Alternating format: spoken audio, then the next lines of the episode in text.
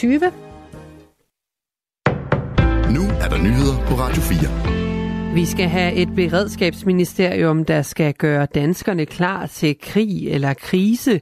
Det mener de konservatives formand Søren Pape Poulsen. Han peger på, at Sverige har en civil forsvarsminister. Han opfordrede for nyligt svenskerne til at forberede sig på en krig, blandt andet ved at have et lager med dåsemad og vand klar. Men i Danmark er der brug for at opprioritere beredskabet markant, fordi vi lever i en usikker tid, siger Søren Pape Poulsen.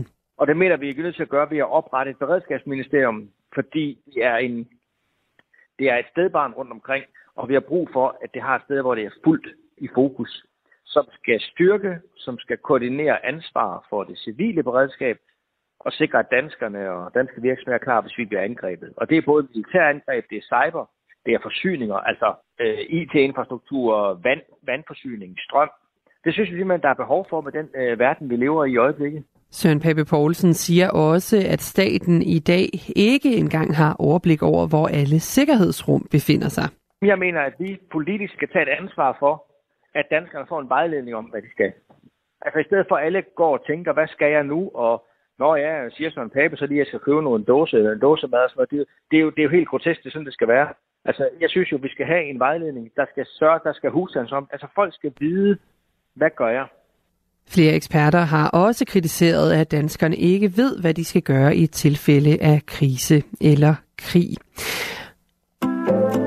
Og vi bliver ved emnet, for EU-landene skal forberede sig på, at der kan komme krig, det sagde EU-kommissionens e formand Ursula von der Leyen tidligere i dag. The threat of war may not be imminent, but it is not impossible. And the risks of war should not be overblown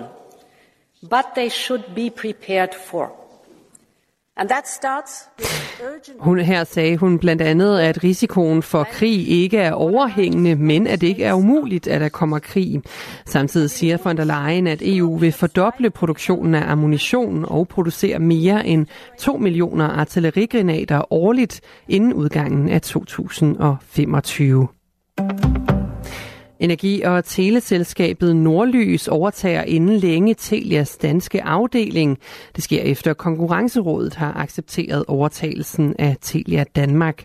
Tilbage i september sidste år, der fortalte parterne, at man havde indgået en købsaftale, men den var betinget af, at konkurrencemyndighederne kunne godkende købet. Nordlys overtager nu Telias 1,9 millioner danske kunder. Efter flere skandalesager, så strammer et bredt flertal i Folketinget nu op på tilsynet med efterretningstjenesterne. Det er alle partier på nær Alternativet, der er blevet enige om en ny aftale. Aftalen den kommer som sagt efter flere skandalesager.